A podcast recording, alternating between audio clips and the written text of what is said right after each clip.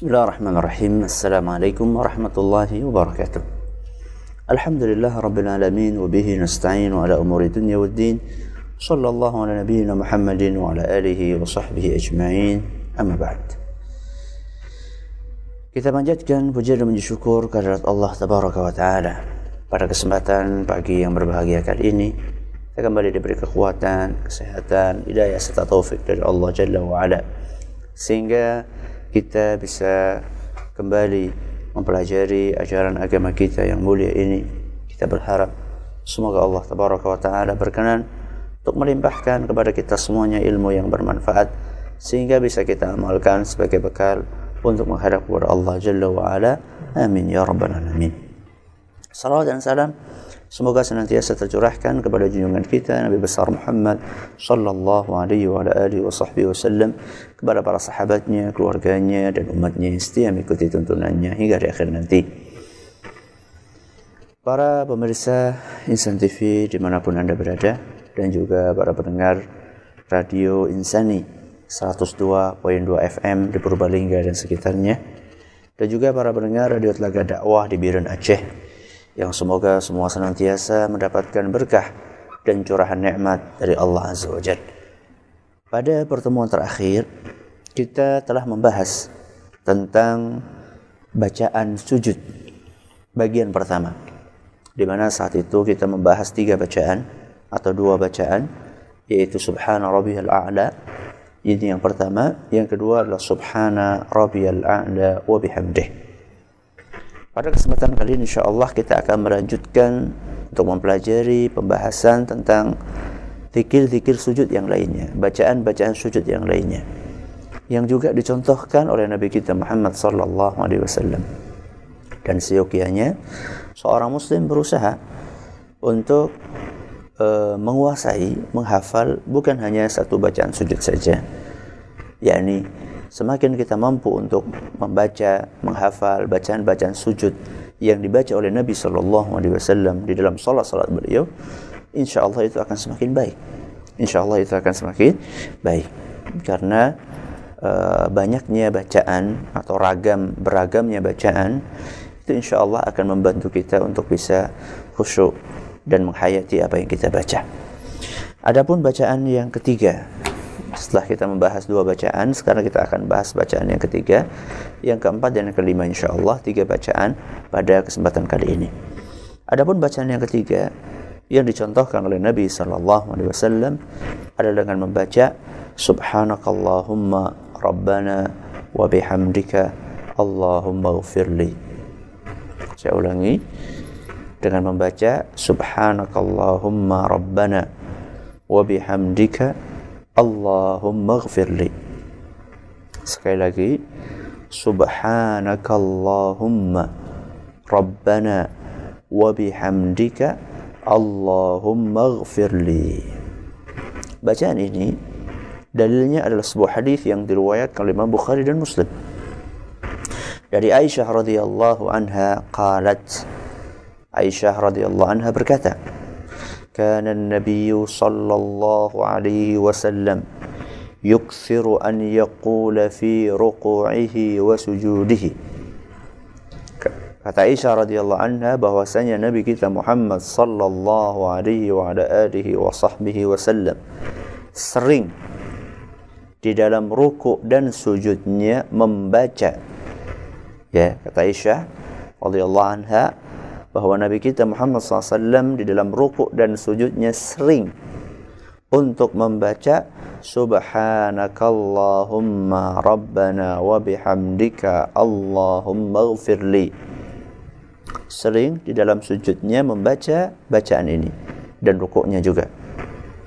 Kata Aisyah radhiyallahu anha yata'awwalul Qur'an.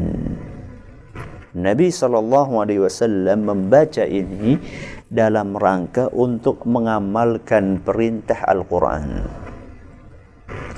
Perhatikan baik-baik. Nabi Shallallahu Alaihi Wasallam sering membaca bacaan ini karena Nabi Shallallahu Alaihi Wasallam mengamalkan, berusaha untuk mengamalkan perintah Al-Quran. Di manakah perintah Al-Quran tersebut?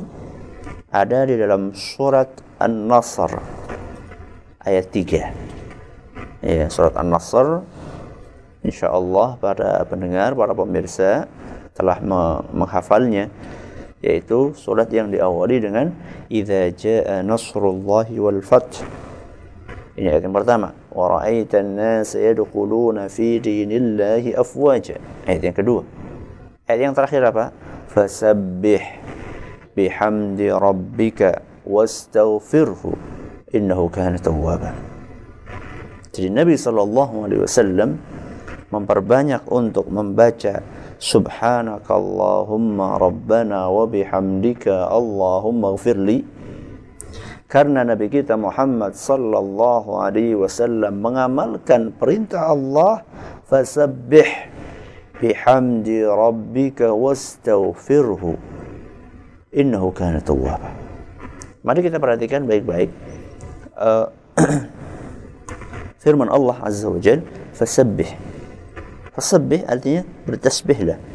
Fasabbih bertasbihlah. Bihamdi rabbika dengan bertahmid kepada Allah. Tasbih, tahmid, wastaghfirhu dan beristighfarlah. Innahu kana tawwaba, sungguh Allah Subhanahu wa taala Maha penerima taubat. Mari kita lihat baik-baik di dalam ayat ini bagaimana Allah Azza wa Jal memerintahkan kepada nabinya SAW dan juga kepada kita semua agar kita menggabungkan antara tiga bacaan. Fasabbih berarti tasbih. Bihamdi rabbika tahmid. Wastaghfirhu istighfar. Jadi Allah Azza wa Jal memerintahkan kepada kita dan Nabi Muhammad SAW agar kita menggabungkan antara tiga bacaan yang mulia ini.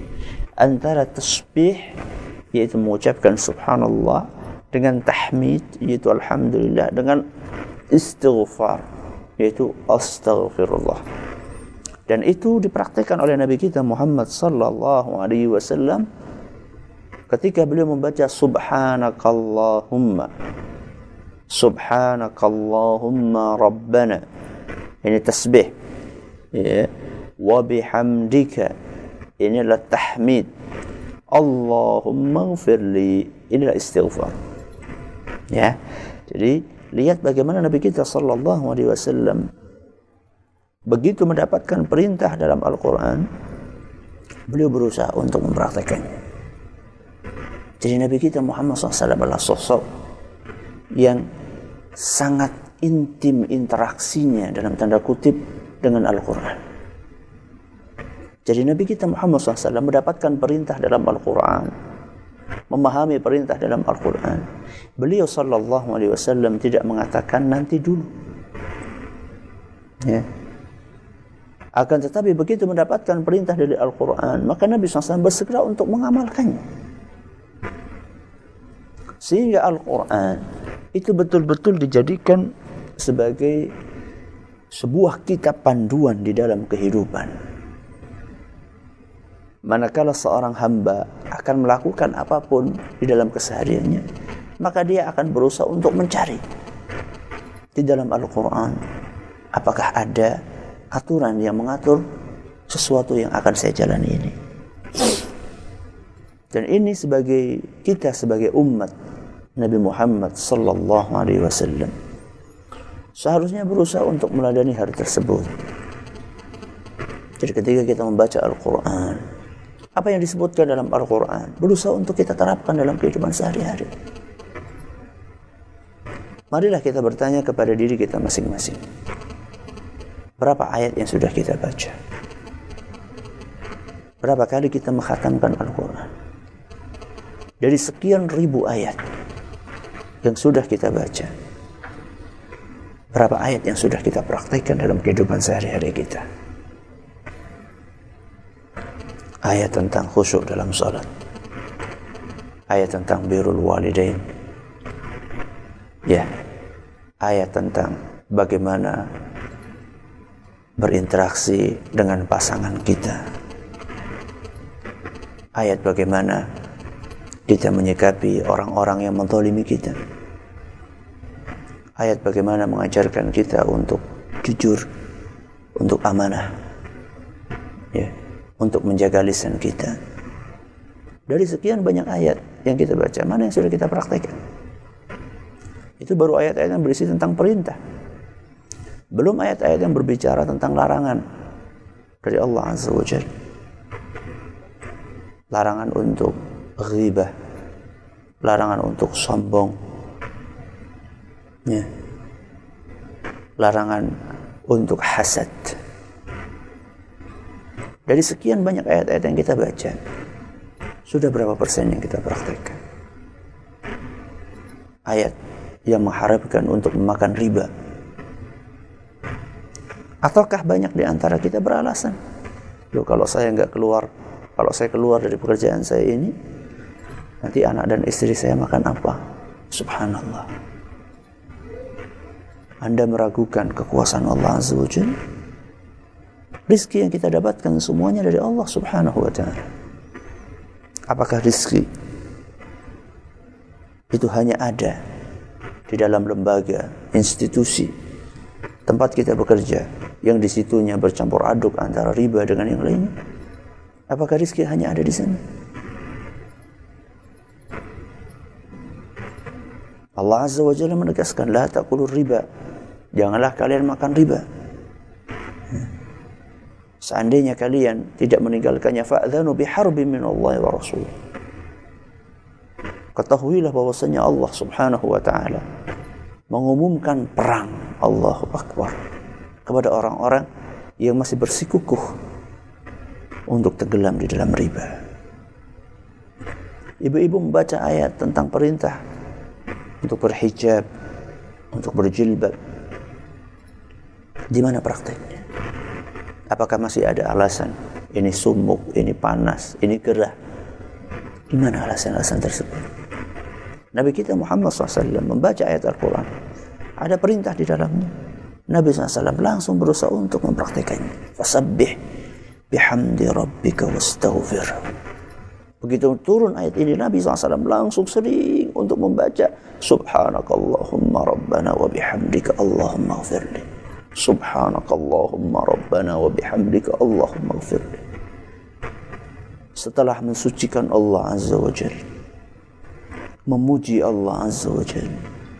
Menggabungkan Nabi kita Muhammad SAW antara upaya untuk mensucikan Allah dan memuji Allah Azza wa Jal. Dan ini adalah bentuk ujian yang sempurna. Di mana seorang hamba mensucikan Allah dan memujinya jadi bukan hanya mensucikan kemudian tidak memujinya. Bukan pula hanya memujinya tidak mensucikannya. Akan tetapi Nabi SAW berusaha untuk mensucikan Allah Azza wa Jal. Dan nanti kita akan jelaskan insyaAllah di bacaan yang kedua. Maksud dari mensucikan Allah. Dan memuji Allah Azza wa Jal. Atas segala nikmat yang Allah berikan kepada kita. Sebesar apa pun pujian yang kita panjatkan kepada Allah Azza wa Jalla tidak akan pernah bisa untuk menyamai nikmat yang Allah berikan kepada kita. Makanya uh, di dalam beberapa bacaan doa yang dilantunkan oleh sebagian kaum muslimin ada satu bacaan yang uh, kurang pas ya, yang kurang pas yaitu bacaan uh, apa yang bacaan sebelum doa biasanya apa? Orang-orang kalau membaca doa hamdan hamdan yuwafi ha. hamdan yuwafi ni'amahu wa yukafi'u mazidah. Ini sebenarnya kalau kita cermati maknanya ya hamdan yuwafi ni'amahu. Kita memuji Allah dengan pujian yang yang selaras, yang sama, yang memenuhi nikmat Allah yang sebanding dengan nikmat Allah kepada kita. Wa yukafi'u mazidah bahkan melebihi bahkan melebihi nikmat yang Allah berikan kepada kita. Perhatikan baik-baik. Hamdan yuwafi ni'amahum. Kita mengklaim memuji Allah dengan pujian yang sepadan dengan nikmat Allah kepada kita. Apakah mungkin? Apakah mungkin pujian yang kita ucapkan dari seorang hamba yang lemah? Apakah mungkin pujian ini akan sepadan dengan nikmat yang diberikan oleh zat yang maha kuasa, yang maha sempurna? Apakah mungkin? Gak mungkin. Apalagi sampai dikatakan wa yukafi'u mazidah. Sampai lebih lagi. Pujian kita lebih banyak lagi. Ya, dibandingkan nikmat Allah gak mungkin.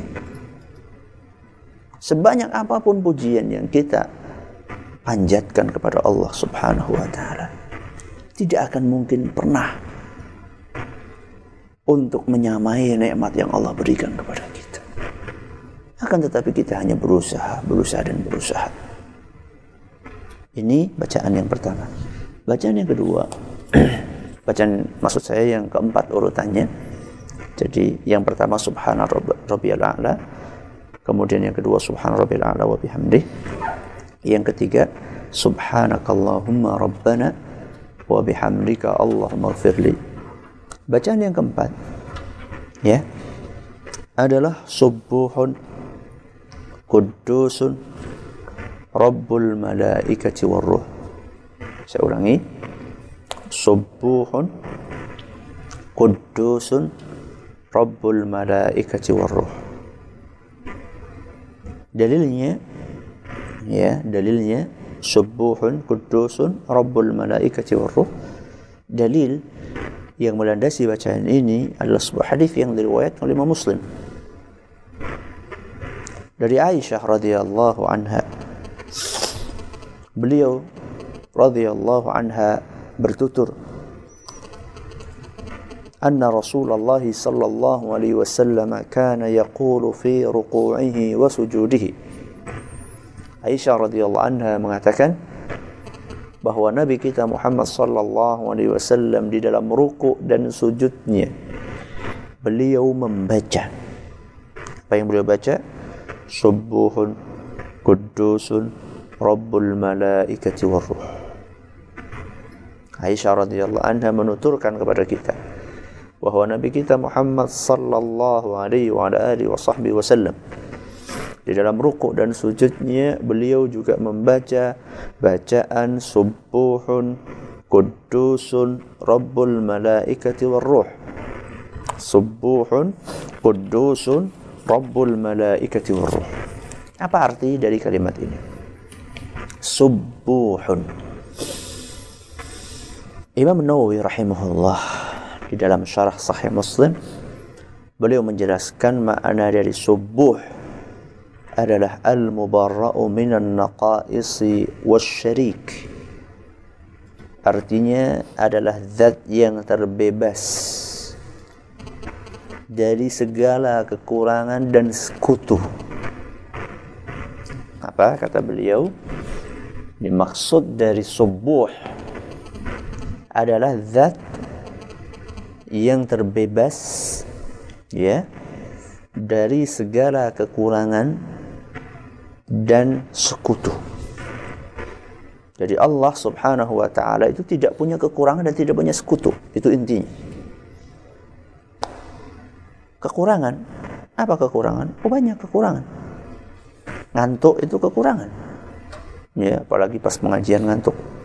Nah, kemudian tidur juga kekurangan. Ya, makanya dalam Al-Qur'an Allah Azza wa Jalla dalam ayat kursi berfirman la ta'khudhuhu sinatu wala naum la ta'khudhuhu sinatu wala naum Allah Subhanahu wa taala tidak pernah ngantuk dan juga tidak pernah tidur. Ini adalah salah satu bentuk kesempurnaan Allah Subhanahu wa taala. Di mana Allah Subhanahu wa taala terbebas dari segala macam bentuk kekurangan. Makan ya, berarti itu ketergantungan kepada yang lainnya. Allah Subhanahu wa taala terbebas. Allah tidak makan, tidak minum, tidak butuh dengan para hambanya. Allah subhanahu wa ta'ala tidak butuh dengan bantuan yang lainnya. Sedangkan kita manusia yang diliputi dengan begitu banyak kekurangan, ya, kita akan mendapatkan bahwa diri kita tanpa ada bantuan dari orang lain tidak mungkin bisa hidup. Itu kekurangan kita. Tapi Allah Subhanahu wa taala tidak punya kekurangan. Allah Subhanahu wa taala juga tidak punya sekutu. Jadi Allah Azza wa Jalla tidak butuh sekutu. Makanya kalau kita berdoa, berdoalah kepada Allah. Allah nggak butuh bantuan. Ya Tuhan-Tuhan yang lainnya, sesembahan-sembahan yang lainnya. Allah nggak bantuan, nggak butuh bantuan dewa. Ya, entah dewa langit, entah dewa bumi, entah dewa air, entah dewa api. Allah nggak butuh itu semuanya. Allah tunggal. Qul huwallahu ahad. Katakanlah bahwasanya Allah itu satu. Allah nggak butuh sama yang lainnya. Allah terbebas dari sekutu-sekutu. Ya. Yang di muka bumi atau di muka langit. Nah, mereka yang meyakini bahwasannya ada hamba-hamba Allah Azza wa Jalla di muka bumi ini yang membantu Allah Subhanahu wa taala. Sehingga kalau berdoa harus lewat ini, lewat ini, lewat ini. Allah Azza wa Jalla terbebaskan dari sekutu siapa pun dia. Subuhun. Kemudian Qudusun. Kudus masih kata Imam Nawawi artinya al-mutahharu min kulli ma la yaliqu bil khaliq. Artinya kudus adalah yang disucikan. Yang tersucikan ya dari segala sesuatu yang tidak layak untuk sang pencipta. Saya ulangi, arti dari kudus adalah yang tersucikan dari segala sesuatu yang tidak layak bagi sang pencipta. Jadi apa pun yang tidak layak Allah subhanahu wa ta'ala tersucikan darinya. Apa Ustaz contohnya? Sifat-sifat yang jelek. Pelit misalnya. Gak mungkin Allah pelit. Karena pelit adalah sifat yang tidak layak Jangankan untuk khalik, untuk manusia saja tidak untuk untuk manusia saja tidak layak. Hanya ketika Allah Azza wa Jal, ya ketika Allah Subhanahu wa taala uh, dicela oleh orang-orang Yahudi. orang-orang Yahudi mengatakan yadullahi maghlulah. Sesungguhnya tangan Allah itu terbelenggu kata orang Yahudi. Maksudnya Allah ini pelit. Hmm. Orang Yahudi mencela Allah Azza wa Jalla min. Mereka mengatakan bahwa Allah itu pelit. Yadullahi maghlulah. Tangan Allah terbelenggu. Allah Subhanahu wa taala langsung membantah perkataan Yahudi itu dan mengatakan ghullat aydihim wa bima qalu. Allah Allah Subhanahu wa taala berfirman ghullat aydihim Justru tangan mereka itulah yang terbelenggu. Walau inu bima qalu. Dan mereka dilaknat gara-gara apa yang mereka ucapkan. Lalu Allah Azza wa Jalla berfirman, "Bal yadahu mabsutatan." Justru kedua tangan Allah Azza wa Jalla itu terbuka Maksudnya Allah subhanahu wa ta'ala memberikan nikmat kepada para hambanya tanpa hitung-hitung. Curahan nikmat yang Allah berikan kepada kita sangat banyak. Jadi Allah subhanahu wa ta'ala terbebas, kudus, tersucikan. Allah subhanahu wa ta'ala tersucikan dari uh, sifat aib, sifat yang jelek. Dari sifat yang jelek. Di antara sifat yang jelek itu adalah pelit dan juga zalim. Allah Azza wa Jalla tersucikan dari sifat zalim. Karena zalim adalah sifat yang tidak pantas. Makanya setiap keputusan Allah Subhanahu wa taala pasti adil. Setiap ketetapan Allah Azza wa Jalla pasti adil. Karena Allah tidak punya kekurangan. Allah tidak punya sifat yang buruk. Seluruh sifat Allah Azza wa Jalla mulia. adil. Keputusan Allah adil, takdir Allah adil. Walaupun mungkin kita belum bisa memahami di mana letak keadilan tersebut. Manakala Allah Azza wa Jalla mengambil anak kesayangan kita semata wayang. Allah adil. Manakala Allah Subhanahu wa taala menakdirkan barang yang kita miliki hilang, Allah adil. Manakala Allah menakdirkan kita di PHK, kita di PHK dari pekerjaan kita, Allah adil. Manakala Allah Subhanahu wa taala menakdirkan kita atau salah satu dari anggota keluarga kita kecelakaan, Allah adil. Setiap ketetapan Allah, Allah adil. Hanya saja mungkin kita manusia dengan keterbatasan otak, dengan keterbatasan pemahaman, kita belum memahami di mana letak kehadiran Allah Azza Akan tetapi kita harus yakin bahwa apa yang ditetapkan oleh Allah itu pasti adil. Kenapa? Karena Allah kudus. Allah itu suci dari segala bentuk sifat yang tidak layak untuk disematkan kepada sang pencipta yaitu Allah Taala. Rabbul malaikati ruh artinya Robnya para malaikat dan Robnya ruh. Para ulama mengatakan ada sebagian ulama yang mengatakan bahwa ruh itu maksudnya adalah malaikat Jibril dan ada sebagian ulama yang lain mengatakan uh, penafsiran yang lain. Ini bacaan yang keempat. Yang kelima, yang terakhir yang kita kita bahas pada hari ini adalah bacaan yang berbunyi Allahumma laka sajadtu ini kepada para pendengar, para pemirsa yang pengen nulis, ini bacanya agak panjang dikit. Silahkan, kalau mau ada, yang menulis, silahkan ikut menulis. Allahumma laka sajadtu. Kelanjutannya, wabika amantu. Wabika amantu.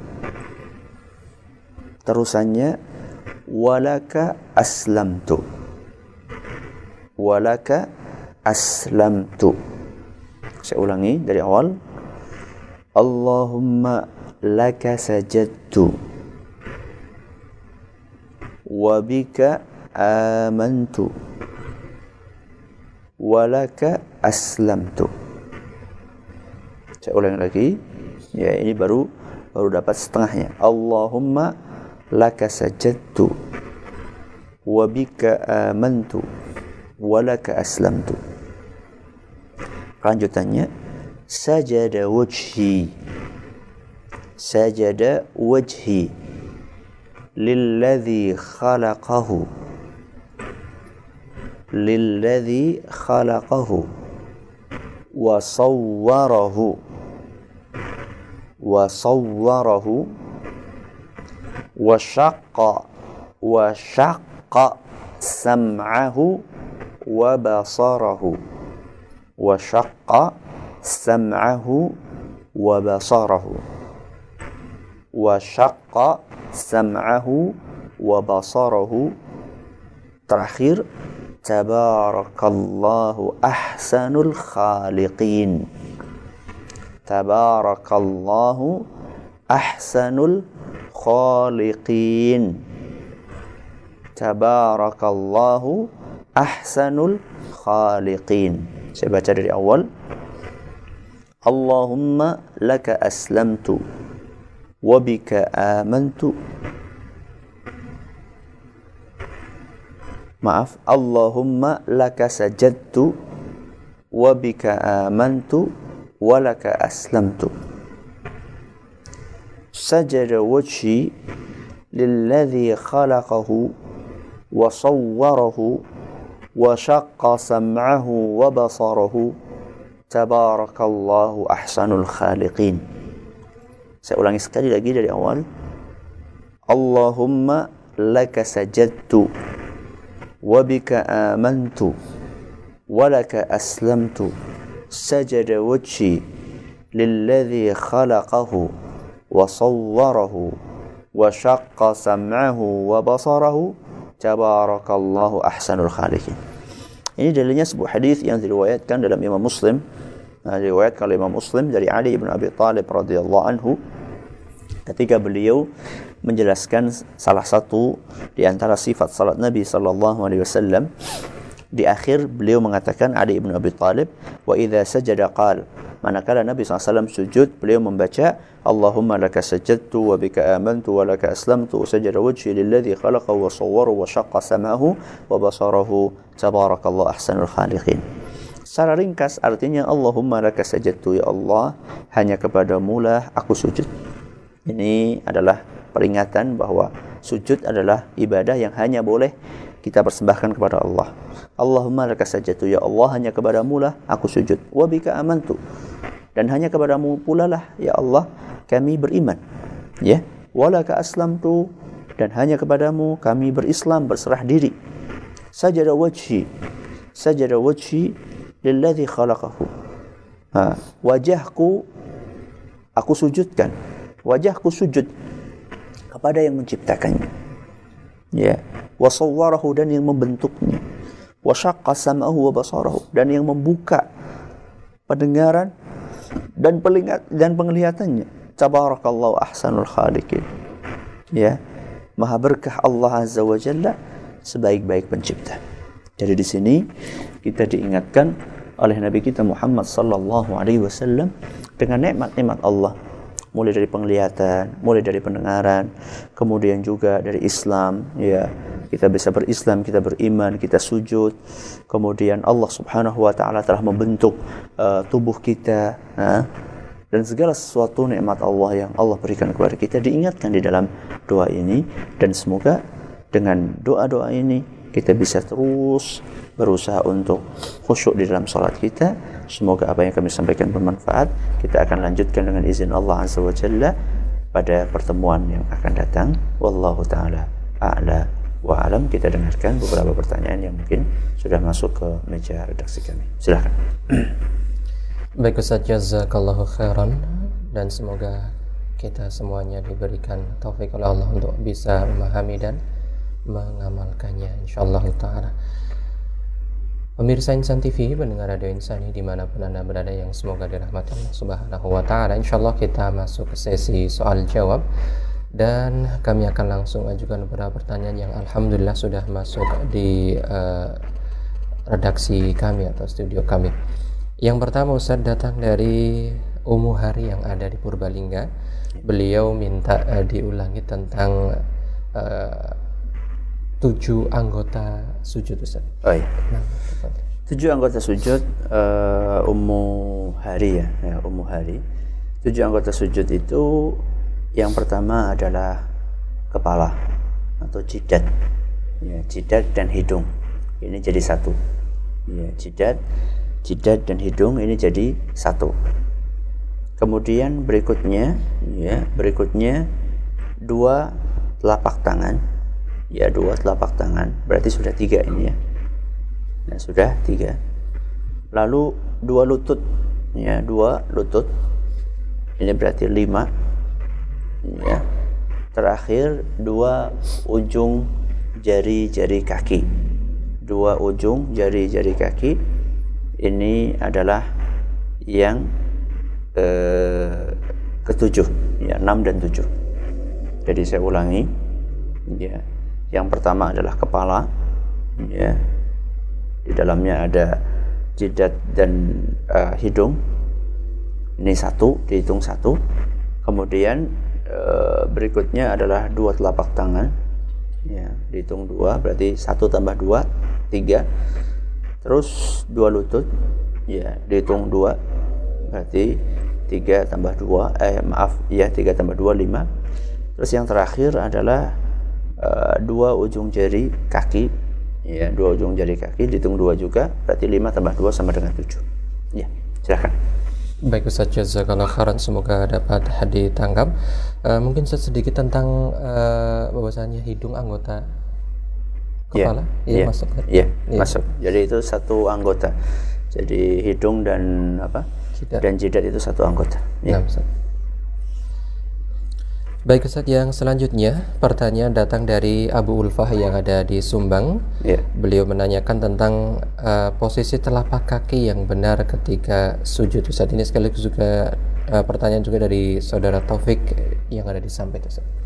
Uh, Apakah posisi, merapat atau Oh iya, uh, posisinya merapat. Ya, menurut sebagian ulama dan ini dalilnya cukup kuat. Jadi antara jari ya, antara jari antara telapak kaki yang kanan dengan yang kiri dirapatkan ya dirapatkan. Kemudian jari-jarinya ditekuk diarahkan ke arah kiblat. Ya diarahkan ke arah kiblat jadi bukan sekedar hanya ditaruh saja di atas lantai akan tapi agak ditekan sedikit sehingga jari-jarinya bisa mengarah ke arah kiblat. Uh, dan uh, telapak kakinya dirapatkan. Ya Nah, saja jazakallah khairan. E, berikutnya Ustaz dari e, Taufik yang ada di Sampit yang tadi sempat menanyakan satu pertanyaan tadi. Yang kedua beliau menanyakan tentang bacaan sujud tilawah Ustaz. Bacaan sujud tilawah ya, sudah kita bahas e, di dalam pengajian tafsir. Di antaranya adalah dengan membaca subhana rabbiyal a'la ya di antaranya dengan membaca subhana rabbiyal a'la atau membaca subhanakallahumma rabbana wa bihamdika allahumma ghfirli ya subhanakallahumma rabbana wa bihamdika allahumma gfirli atau juga bisa membaca menurut sebagian ulama uh, dengan bacaan yang tadi sajadah wajhi lilladzi khalaqahu uh, dan seterusnya ya. Wa syaqqa samahu wa basarahu tabarakallahu ahsanul khaliqin. Itu bisa juga. Akan tapi yang paling simpel adalah dengan membaca subhana rabbiyal a'la sebagaimana yang ditegaskan oleh Imam Ahmad rahimahullah Uh, uh, dan juga uh, bisa juga membaca subhanakallahumma rabbana wa bihamdika allahumma gfirli. Jadi seperti bacaan sujud biasa. Nah, Ada juga yang uh, mengatakan bisa memakai bacaan uh, yang tadi saya sebutkan sajadah wajhi. Ya. Nah, Uh, selanjutnya Ustaz uh, dari uh, pemirsa ataupun pendengar yang tidak menyebutkan nama dan alamatnya yang bernomorkan 929 belakangnya beliau menanyakan tentang boleh atau tidak menggunakan bacaan sujud yang berbeda-beda dalam setiap sujud. Dalam saat atau digabung Ustaz kalau digabung uh, kalau digabung dalam satu sujud uh, sebagian ulama mengatakan tidak seyogianya seperti itu jadi kalau digabungkan dalam satu sujud membaca sekian jenis bacaan itu sebaiknya uh, tidak dilakukan menurut sebagian ulama uh, belum ditemukan contoh dari Nabi SAW yang melakukan seperti itu. Tapi kalau beda-beda dalam satu sholat ya dalam satu sholat rokat pertama bacanya ini rokat kedua bacanya itu uh, saya belum bisa menjawab pertanyaan ini wallahu alam besar. Nah, Jazakallah khairan. Berikutnya Ustaz dari Bapak Rosyid yang ada di Jakarta Pusat, beliau menanyakan tentang bolehkah ketika ruku membaca subhanakallahumma wa bih eh, subhana subhanallah wa bihamdihi tapi sujudnya membaca subhanakallahumma rabbana wa bihamdika allahumma ighfirli. Hmm, ini juga sama mirip dengan pertanyaan yang berikutnya. Jadi meragamkan, ya meragamkan uh, bacaan dalam satu rakaat. Allah alam. Enam saja khairan. Uh, berikutnya Ustaz, uh, beberapa pertanyaan yang mungkin uh, sedikit di luar tema Ustaz, masih yeah. tentang sholat. Datang dari hamba Allah tidak menyebutkan namanya, beliau menanyakan tentang bagaimana hukumnya bermakmum di belakang imam yang bacanya lahan. Kami kurang pahamin maksudnya mungkin lahannya kurang tepat Ustaz. Yeah uh, bagaimana dengan sholat di belakang imam yang melakukan lahan? Lahan itu terjemahannya terjemahan bebasnya adalah kekeliruan. Lahan itu terbagi menjadi dua. Ada lahan jali ada lahan khafi lahan jali itu adalah lahan yang kekeliruan yang fatal ya. Yang jelas yang gamblang. Khafi adalah kekeliruan yang uh, samar yang ringan ya kalau termasuk kekeliruannya adalah lahan khafi, ya lahan khafi. Misalnya, ya misalnya mat, ya matnya kurang panjang misalnya. Itu adalah lahan khafi. Maka insya Allah salatnya sah. Maka insya Allah salatnya sah di belakang imam yang seperti itu. Adapun lahan jali itu ada yang merubah makna, ada yang tidak merubah makna. Ya, yang berubah makna misalnya siratal ladzina an'amta diganti dengan siratal ladzina an'amtu Ya, ini berarti sudah merubah makna. Karena siratal ladzina an'amta ya, itu kan engkau yang beri nikmat. Kalau an'amtu berarti aku yang beri nikmat. Ya, kalau seperti itu maka berarti sudah bisa uh, merubah makna. Kalau seperti itu kondisinya maka uh, para ulama mengatakan tidak boleh atau tidak sah bahkan untuk sholat di belakang orang yang seperti itu. Akan tapi tentunya di sini perlu bagi para pendengar atau para pemirsa yang menghadapi masalah-masalah seperti itu perlu diingatkan. Ya perlu diingatkan uh, kepada imamnya. Ya perlu diingatkan kepada imamnya dengan cara yang baik ya di luar sholat sehingga tidak mengganggu. Ya sehingga tidak mengganggu uh, jalannya sholat yang dilakukan ya yeah. Nah, jazakallahu khairan. Berikutnya Ustaz uh, datang dari hamba Allah pertanyaan yang menanyakan tentang ketika imam lupa dalam bacaan suratan pendek, yeah. apakah yang harus dilakukan? Apakah mengganti dengan surat lain atau cukup sampai di situ dan kemudian rukuk Ustaz? Fleksibel. Jadi kalau misalnya imamnya di tengah-tengah baca surat Al-Kafirun misalnya, ya dia nggak selesai-selesai. ya sudah diingatkan sama belakangnya nggak selesai-selesai. Bagaimana caranya? dia boleh berhenti tak langsung ruku bisa juga mengganti suratan yang lain fleksibel insya Allah ya jadi yang penting dia bisa melanjutkan sholatnya hmm. nah yang selanjutnya dari pemirsa Insan TV menanyakan tentang uh, ketika imam salam ada sebagian makmum yang mengakhirkan salamnya karena dengan alasan bahwasanya setelah salam tidak ada gerakan sholat yang lain sehingga tidak mengapa tidak mengikuti salam imam secara langsung ketika itu. Apakah ada penjelasan dari para ulama yang sejalan dengan pemahaman tersebut uh, setahu kami ya setahu kami uh, makmum diperintahkan untuk mutaba'atul imam ya mengikuti gerakan imam secara bersegera. Maksudnya mengikuti gerakan imam e, bersegera. Artinya tidak dikasih jeda. Ya tidak dikasih jeda. Jadi mengikuti gerakan imam e, langsung. Ya mengikuti gerakan imam langsung. Jadi jangan dikasih jeda. Dan ini berlaku dari awal sampai akhir. Ya berlaku dari awal sampai akhir. Bukan hanya e, di awal saja. Termasuk dalam salamnya makanya eh, apa yang dipraktekkan oleh sebagian orang yaitu mengundur salam ya mengundur salam eh, setelah imam selesai salam dia masih ada beberapa eh, detik atau berapa menit ya berapa menit bahkan setengah menit ya. Itu kurang pas karena makmum diperintahkan untuk mengikuti gerakan imam eh, bukan hanya di awal sholat saja sampai akhir sholat pun juga diperintahkan untuk mengikuti gerakan imam. Allah a'lam Baik Ustaz, nampaknya karena waktu yang terbatas Baik. kita cukup sampai di sini mungkin ada uh, penekanan poin sebelum kita tutup Ustaz. Tafadhol. Jadi hari ini kita mempelajari tiga bacaan ya, tiga bacaan di antara sekian bacaan sujud. Uh, yang pertama uh, yang ini urutan yang ketiga yaitu kita membaca uh, subhanakallahumma rabbana wa bihamdika allahumma ufirli. Kemudian berikutnya kita juga membaca belajar subuhun Qudusun Rabbul Malaikati Warruh yang terakhir kita berlatih untuk membaca Allahumma laka sajadtu wa bika amantu wa laka aslamtu. Sajada wajhi lilladhi khalaqahu wa sawwarahu wa syaqqa sam'ahu wa basarahu. Tabarakallahu ahsanul khaliqin. Ini yang dapat kami sampaikan. Semoga bermanfaat. Wallahu alam besar